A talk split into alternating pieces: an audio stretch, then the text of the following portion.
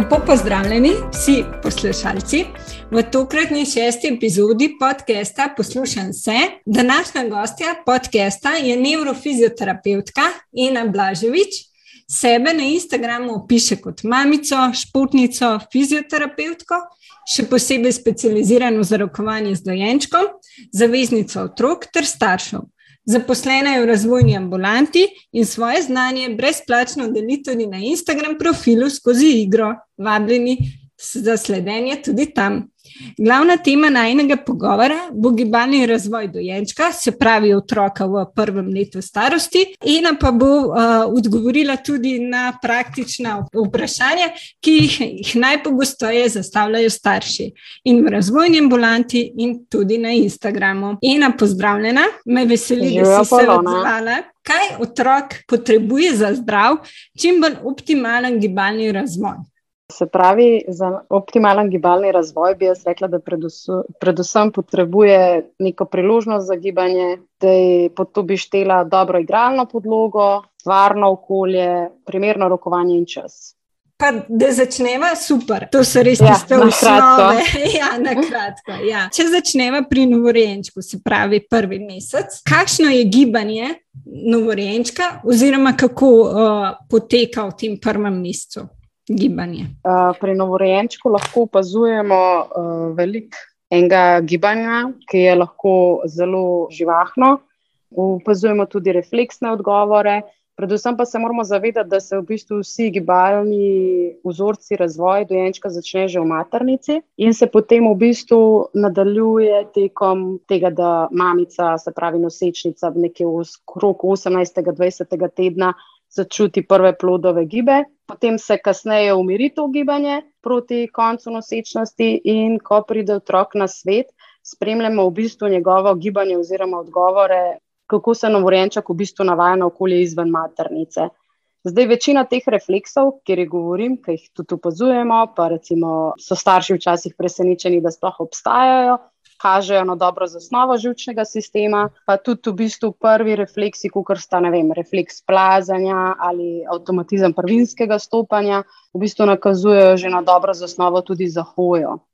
Če bi recimo pogledala, kak prijemalni refleks, ne, to je tak, ki ga v bistvu čisto vsi starši, babice, detki opazimo, je ponavadi, ko otroku ponudimo prstek, pa nas zagrabi za rokico. In to bi tako rekla, da je tak, ki ga najhitreje opazimo. No.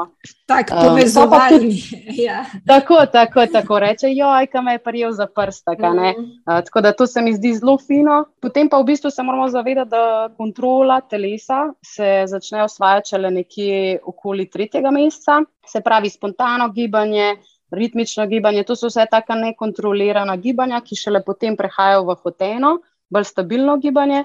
In mhm. vedno v bistvu kontrolo gradijo dojenčki, se pravi od glave proti stopalom, in tudi od sredine na vzven, se pravi od medialnega proti perifernemu. Poteka. Taka osnova, mhm. ja. Zdaj lahko nadaljujem še naprej, lahko pa počakamo še uh, za tretji mesec, mogoče da začnejo rokice ne s kustom, je zelo pomembno. In takrat se začne počasi usvajati tudi kontrola glave, ki je tak nek mejnik, ki recimo spremeni tudi rokovanje samo. Mogoče ga si glih po rokovanju, poklicno se ti zelo veliko ukvarja s tem rokovanjem, po angliško baby handlingom. Komu je namenjen? Baby handling, imela si tudi zadnjič, imela uh, v bistvu na Instagramu ali izvajajo vprašanje, oziroma kako to v bolnišnicah, nekaj v porodnišnicah se uh, popravlja. Kaj, se pravi, komu bi ti še posebej priporočila baby handling, pa če bi opisala na kratko, kaj je cilj baby handlinga in kako izgleda. No? Uh, se pravi, baby handling oziroma rokovanje z otrokom so gibi, pri katerih v bistvu vodimo otroka k usvajanju normalnih, pravilnih gibalnih vzorcev. Zdaj priporočala bi ga seveda vsem, ne? ni pa sam nujen za prav vse. In tudi s tem se je navezval tisto moje vprašanje na Instagramu, v bistvu, ker um, nekatere mamice bi to pričakovali, da se jih nauči že v porodnišnici. Zdaj nekateri to učimo že na šoli za starše, v sklopu razvojne ambulante. Je pa tako, ne, s tem spoznavanjem in učenjem teh načinov gibanja utrjujemo ta gibalni vzorci in v bistvu vzorci, ki prihajajo iz tega, so tudi bolj kvalitetni, ne, k temu pa mi stremimo. Se pravi, To so načini nošenja, dvigovanja, odlaganja otroka, položaj za hranjenje, previjanje, oblačenje, res veliko stvari. No? In ta v bistvu način je predvsem pa nujen za tiste otroke, ki recimo so rojeni prezgodaj, imajo kakšne druge rizične dejavnike tveganja, ki bi lahko ogrožili njihov gibalni razvoj. Pri takih stvareh so tudi sama, recimo, uh mhm. -huh. bolj stroga. No? Naprimer, da so hipotoni ali tako v bistvu tudi te dejavniki verjetno vplivajo, da imajo pač ja, slabši. Hipo, hipotonija, hipotonija je lahko eden izmed dejavnikov. Ni glih tako nujno, recimo, bolj prezgodni porodi. Uh, se pravi, pri nedonošenčkih, kjer v bistvu ta mišična masa, oziroma vsi, vso to gibanje, ki sem ga prevenjala že v maternici, je prehiter v bistvu oduzeti. Se pravi, otrok se še ni dosto ukrepil znotraj maternice, ker v bistvu plava v bistvu taki tekočini, brez gravitacijske no? in noč ne pritiska na njega. Potem, ko pride na svet, vsa gravitacija in zvoki pritisnejo, v bistvu, mislim, pritisnejo, vplivajo na njega. In nekateri se potem lahko odzovejo s pretirano ekstenzijo ali kaj podobnega, zakrčenostjo, uh mhm. -huh. ker enostavno niso bili še pripravljeni vstopiti tako predhodno na svet. Pri hipotonih je pa druga stvar, recimo, bolj stališča, recimo sesedanja, potem pri sedenju, kasnejše, kasnejšega usvajanja hoje, kobacanja. In tukaj je tudi v bistvu je pravilno rokovanje, samo dobro namerna podpora, da bo šel gibalni razvoj tako, kot smo si zamislili. Nikoli pa v bistvu ne želimo otroka prisiliti v gibanje, ne? ker vsi otroci, ki so prisiljeni v gibanje, so ponovadi tudi bolj nerodni, imajo lahko mhm. slabšo držo, ploska stopala, bolečine v hrtenici, kovkih, ki so v odrasli dobi. To se recimo vidi, lahko pa če je recimo hipotonga otroka, se prehitro potisne v neko hojo. Ne? Mhm. A bo še mogoče razložila, mogoče na kratko, kaj je tu hipotonost, fizioterapevtsko, mogoče za ja, ja. tiste, ja. ki ne vejo, ker sem do tega ja. pač ta termin uporabljala. Ja, se pravi, to je zmanjšan mišični tonus, centralno gledano. Se pravi, lahko se vidi kot pri čist mečkanem dojenčku, se pravi, treh mesecev, recimo se vidi z poznejšim dvigom glave na boku, mhm. slabšo kontrolo glave, trupa, z oteženim, včasih tudi neprijemnim neprijetnim položajem na trebuščku, ker je v bistvu dvig glave veliko težji za nekoga, ki v bistvu ne zna uporabljati vseh mišic oziroma mm -hmm. mišičnih skupin za določene premike. Pa tudi, recimo, potem se lahko vidi pri govoru, pri hranjenju. Čisto odvisno, kako res uh, hipotonija je v bistvu stvar tega, da je znižen mišični tonus lahko celostno, lahko samo delno, lahko so samo stopala bolj hipotona, večina je pa teh centralnih hipotonij, se pravi, mm -hmm. da da enostavno je upor teh mišičnih skupin pri otroku tako zmanjšan napram otroku, ki ima normalni mišični tonus. Mm -hmm. Oh, super, hvala, odlična razlaga. Ja, ja, ja. Hitro zakompliciram, ampak. ne, ne, si, uh, si tako razumljivo. Bite še mogoče tukaj, ki si rekla, otroci, ki so prisiljeni v gibanje, to tudi misliš, verjetno, kakšne hujce in kaj podobnega, ki je zdaj tudi v nekaterih državah prepovedana. Ne? Hojce še vedno obstajajo, še vedno se najdejo starši, ki me vprašajo, kdaj bi lahko otroka mhm. dal v hojco. Žal ni še, ne vem, če je glih še prepovedano, no, to še nisem zasledila, ampak ne bi bilo slabo. No. Ja, pa sem pa jaz, pa sem pa jaz mogoče, da, da, je, da je v nekaterih, ampak mogoče ni, pre, ni pa preverjena informacija. Mogoče sem, da je oboje, ni, ali pa da so mislili, ja, ja prvo je bilo. No. okay. ja, uh, se pravi, to si mislila, ne, da so prosiljeni v gibanje, se pravi, da ga polagamo v ene položaje, ki, ki otrok samostojno še ne more, če tako poveva, a je tako nekako je. tako. tako ja. Se pravi, tudi da ga posedamo in tako, takrat, ko še se sam ne more usesti. Načeloma. Ja, tako je, ja. načeloma. Ja. Mislim, so, so predhodni, so, obstajajo predhodni položaji sedenja, ki se jih lahko mm -hmm. uporablja. To tudi ne pomeni, da ne, da ne smemo otroka, ki recimo kontrolira glavo, držati bolj po koncu naročijo, mm -hmm. ne pri mhm. sebi. Se ga pa ne sme postaviti, recimo sred kavča, pa založiti z blazinom in pa čakati, da bo sedel. To, to mm -hmm. pa ne. Ja, ja. ja.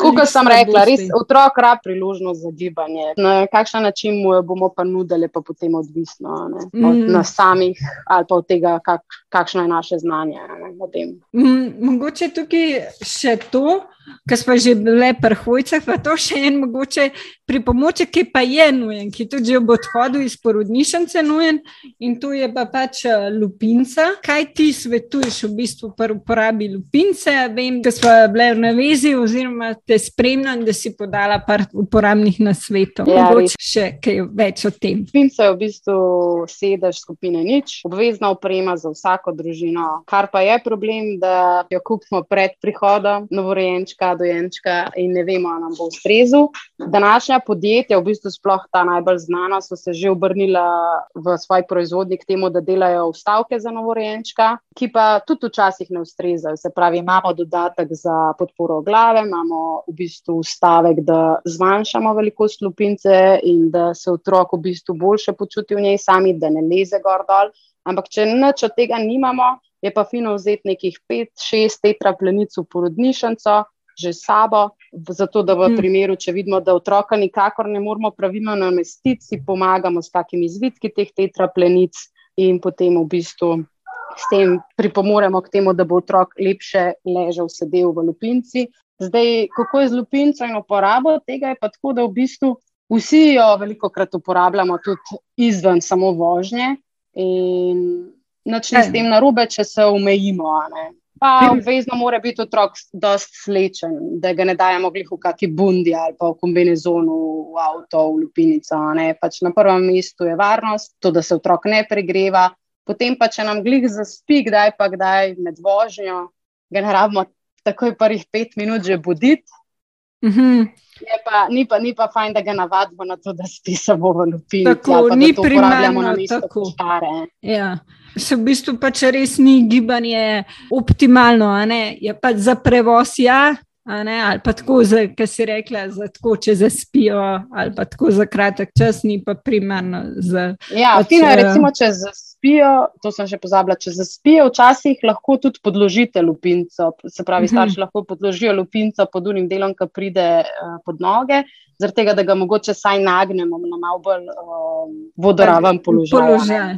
Po mm. Mhm, ja, eh, super. Hvala. To res, so take uporabne informacije, ki se, nam, ki se mi zdi, no, da res nam staršem prav pridajo, koristijo zelo, da vemo te usmeritve. Je pa zelo fino, no, da je tako, kot eh, sem brala, tudi eh, na splošno. Ne, in drža tega, da je dojenček v prvem letu tudi dovolj, poleg našega naročja, kar je tudi za njega zelo pomembno, da je tudi na tleh ti tudi veliko pišeš in govoriš o tem trebušnem položaju, pa bi mogoče najprej za igralno podlogo, ker vem, da, da, da niso čisto vse tudi primerne. No? Mogoče kakšno ti priporočaš, kakšna naj bi bila optimalna, in potem tudi s trebušnim položajem, tako da malo na kratko poveš, kako. Ja, se pravi, igralna podloga je fina, da je ne drseča, da jo je lahko čistiti in da je dovolj debela. Se pravi, otrok na začetku, ko v bistvu ga izvarja, ga naročja, položimo na podlago, lahko dragira tudi z iztegovanjem, z neprijetnimi občutki. Zato je fino, da tudi če se recimo udari z glavo, ko se recimo pro, poskuša prvič obrniti na trebušček iz boka, uh, da, da je ta ta prehod malo mhm. bolj prijeten. Zdaj, zdaj, da damo samo recimo neko dekco ali pa nekaj na, na podlago, na parket, uh, žal ne bo dosti, ker bo jim drselo, ne bo pravega mhm. odriva. Pa pomembno je, da tudi otroka na to podlogo potem v bistvu postavljamo čim bolj slečene zato da mhm. imajo pravi odriv od podlage, se pravi, v bistvu ne drsijo pri samem gibanju. Mm, se pravi, zelo pomembno je verjetno tudi v zimskem času, da je vsaj brez nogavic, da to se grejemo prostor. Ja, se pravi, se grejemo prostor. Um, najboljše je, da v bistvu so kolena in stopala prosta, mm -hmm. pa tudi komovci in dlani. Zdaj, mhm. če je premar zelo, popolnoma razumem, lahko enkrat damo mm -hmm. neki dol, drugič neki ali pa res takrat, ko recimo kuhamo, kaj je prostor najbolj mhm. segret, mogoče takrat gremo polagati ga na podlago. Pa tudi zelo pomembno je, to se bo pa navezval tudi na trebušni položaj, da mogoče v prvih teh treh mestih otroka glih ne dajemo na tribuh, pa na hrbet, na podlogo, takrat, ko se je najedel. Mm -hmm, uh, ja, razumljivo, tudi mi ne moremo. Vsi radi počivamo, potem, ko se Ima, ja, čist uh, logično. Ja. Mogoče še glede trebušnega položaja, to začnemo že v bistvu hmal, pa sicer zelo postopoma. Ne? Kako ti priporočaš v bistvu to, kar si že rekla, da ne po hranjenju, se pravi, kdaj pa kako? Jaz veliko krat priporočam, da otročka v bistvu obračamo na trebuh. takoj po previjanju. Se pravi, ko je otrok nagac, ga kar v bistvu na previjalni podlogi, sploh če je dovolj trda, probamo obrniti na trebuh za minutko, opazujemo, kako se otrok počuti, lahko mu tudi popravimo komovce oziroma rokice bolj naprej, če je potrebno. Um, in na začetku bomo tudi videli, da otrok ne dvigne še glave od podlage in v bistvu je z ličkom naslonjen na podlago, potem pa bo počasi postopoma začel dvigovati glavo. Recimo, večina otrok nekje na 45 stopinj dvigne glavo od podlage pri dveh mesecih, lahko tudi mhm. kasneje. Res, to je to, kar. Um, individualno. Široko, ne? Mhm. individualno uh, določen. Ampak skratka, priporočala bi, da začnejo res kratek čas, um, da vidijo takrat, ko je otroku najbolj prijetno. In če potem tudi to ne gre, poskušajo izvajati trebušni položaj, ko so oblečeni kar v naročju. Ali pa mm -hmm. čez kak zvitek, brisače mm -hmm. ali pa te traplenice, tako da je v bistvu ta zgornji del malo podprt. To govorim, če res pred dveh, treh mesecih otrok nikakor ne prenese trebušnega položaja, da mm -hmm. probamo potem uh, z drugimi. Ne, nekateri, ne, recimo v naročju, podirajo tudi kupčeka ne, v trebušnem mhm. položaju. Mm -hmm. Tudi s tem ni nič narobe, lahko je to eden od načinov navajanja. Mhm, um, gre se bolj za to, da v bistvu otrok občuti različne položaje, ne, do katerih še ne more priti sam, samo kot zaradi senzorne izkušnje. Tudi, Ker če bom mhm. jaz, recimo, v razvojni ambulanti ali pa privatu, ambulanti prvič otroka dala na tribuh po treh mesecih, pa ga starši prej nikoli niso, je to velikrat šok. Za, za šok in jok. Ja, res je. Kar si tudi pri trebušnem, mislim, oziroma pri uh, kontroli glave, pri trebušnem položaju, to umela. Uh, zelo taka tema, ki dosta uh, staršev, mogoče kdaj tudi razdeli, je ta uporaba nosilke. Se mi zdi, da um, eni starši so zelo za, pa eni strokovnjaki tudi, eni so mal proti. Kako je pa tvoje mnenje glede uporabe nosilke? Uporaba nosilke, brkane, odsvetujem predvsem v prvih mesecih. Mhm. Um, ta baby nesting, ki imamo otroka blizu sebe, um, skin to skin, ta dotika. Ne? Jaz priporočam raj izvajati v bistvu čist na posli, v vodoravnem položaju, da je otroku res prijetno. Mhm. Um, ker enostavno ni še toliko kontrole glave. Zdaj, po enih otrocih se ne bo videl sploh efekta ne? tega, da je recimo, mhm. bil prehitro dan v nosilko, ampak pri nekaterih pa lahko pride do zakrčenosti v ramenskem obroču vratu, ker morajo nekako v bistvu kljub temu, da so popolnoma v pravilnem položaju, lahko stisnjeni k mamici, še vedno morajo nekako držati ta pokončni položaj, ki ga še niso izkusili. Če za to se gre. Drugač pa nosilka, tako kot uh, tudi kakšni drugi pripomočki, priporočam bolj zmerno uporabo. Zdaj, jaz, sem, jaz sem jo sigurno uporabljala, ne, ne bom rekla, da jih nisem. Kdaj pa kdaj ti enostavno pride prav. Sem pa ja, opazila, recimo, pri kakih hudih pohodnikih, ki so res imeli otroka v nosilki dve, tri ure, da, da enostavno to ni bilo jih najbolj za otroka. Ko pa enkrat otrok pobaca načeloma ima že toliko zravnave, da je lahko praktično v kjerem koli pri pomočku, mhm. ali v nahrbtniku, ali v nosilki. Poskrbimo vedno za optimalen položaj, uh mhm. -huh. ampak takrat pa je tudi lahko daljši čas, uh mhm. -huh. ker so tudi kovki že toliko razviti, uh, ima stabilen trup in glavo. Prej pa, prej pa čisto odvisno, malo, opazuj, malo je treba opazovati otroka. No. Zdaj, če imate še enega otroka, pa psa, pa ne vem kaj, pa ste ja.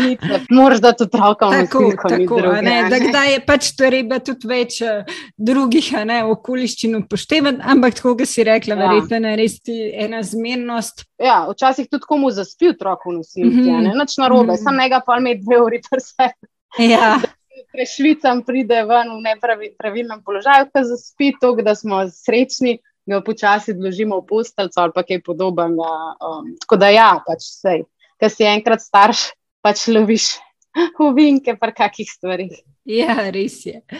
Mi je všeč ta način tvoj, no, da, da vključiš to komponento življenskosti, prakse, ki jo vidiš. Ja, in ki vidiš pa v bistvu posledice, ki pa vidiš, da lahko niti niso.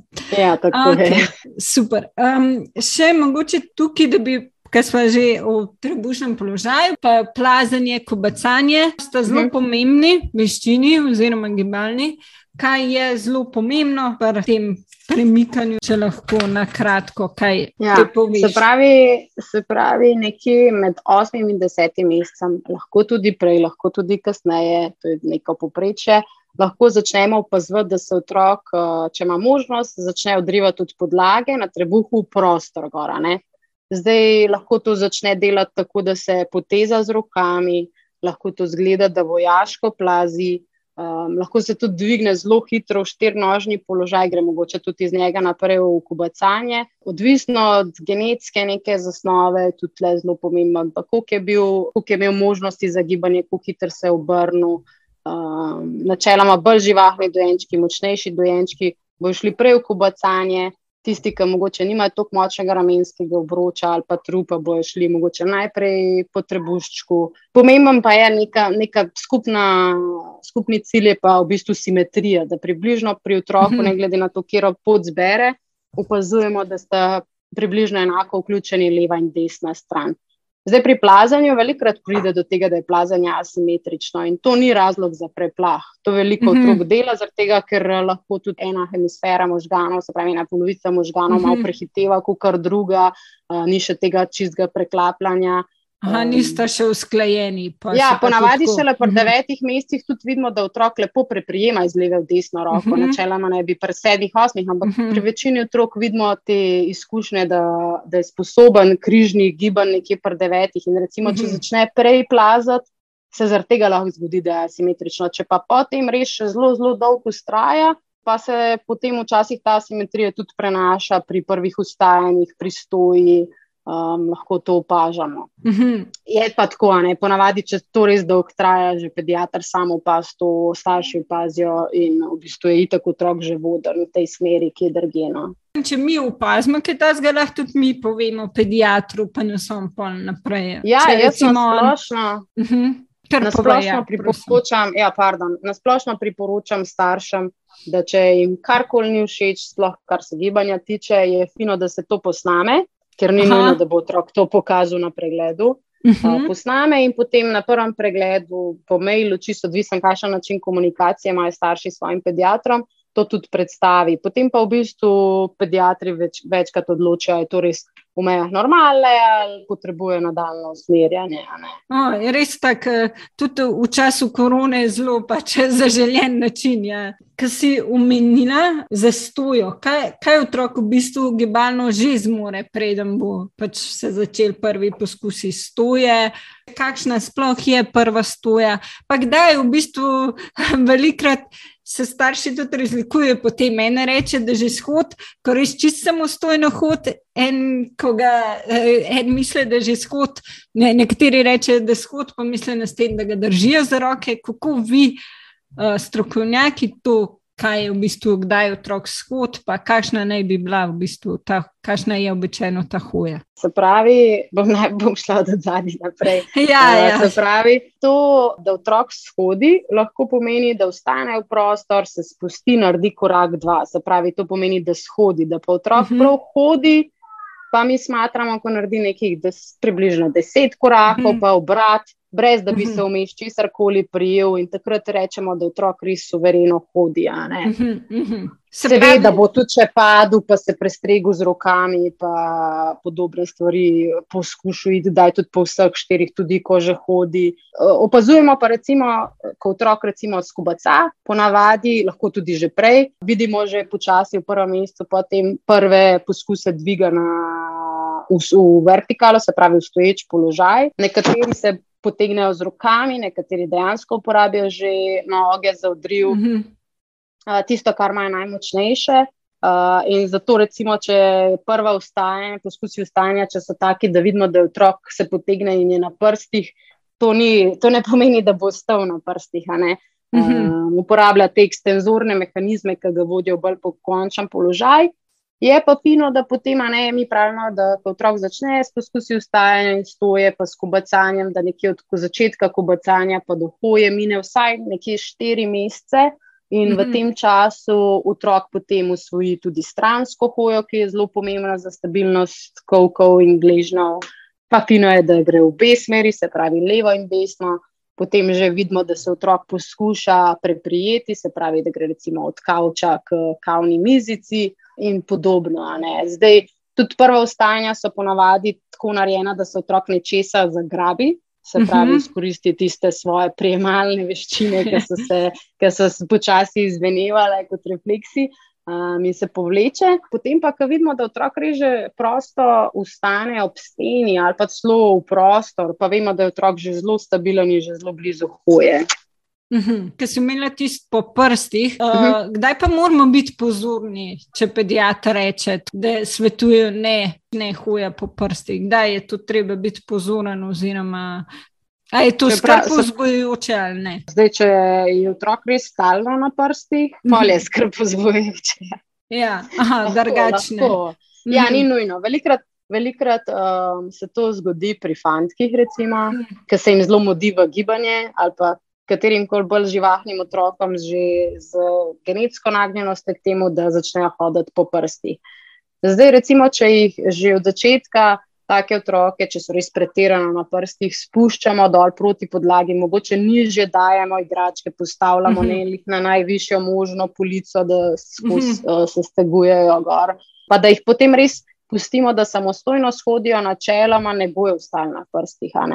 Če pa recimo ta zgolj otroka, ki že tako ustaje na prste, se stransko mm -hmm. premika po prstih, še potem vodimo za roke, uhojo, obstaja pa velika verjetnost, da bo tudi pol nekaj časa hodil po prstih. Pri nekaterih tudi potem je treba to.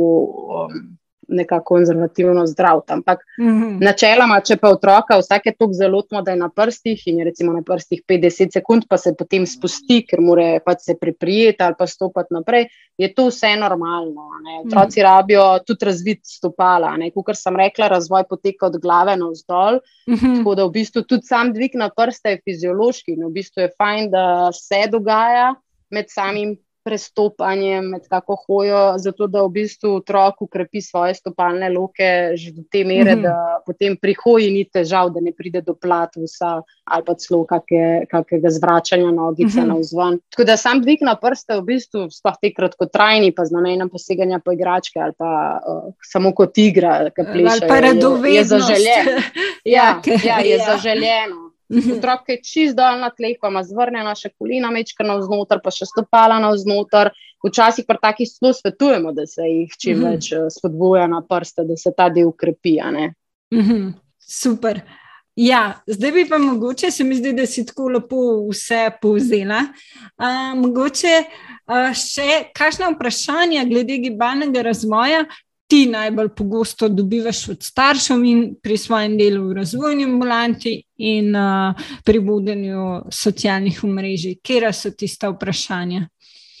Zdaj, po mojem, bi rekla zakrčenost v ramenih pri dojenčku, pa recimo, kdaj grejo v športni del vozička, tudi obiskovanje kakih vadb za dojenčke, nosilke, uporaba nosilke, to je zelo pogosto vprašanje. ja, se, um, uh mhm. -huh. ja, vsi si hočemo olajšati stvari. Tako, tako um, ja. je tako, da jaz želim. Uh -huh.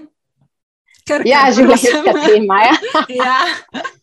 uh, tako rekla, rekla bi, da z ničemer ne smemo hiteti. Preveč, ne? ne mhm. -huh. smemo pa tudi biti prestrašeni. Zdaj, jaz največkrat v bistvu vprašanja, ki dobivam, mislim, da bi si nek, lahko tudi kakšni starši že čist sami odgovorila.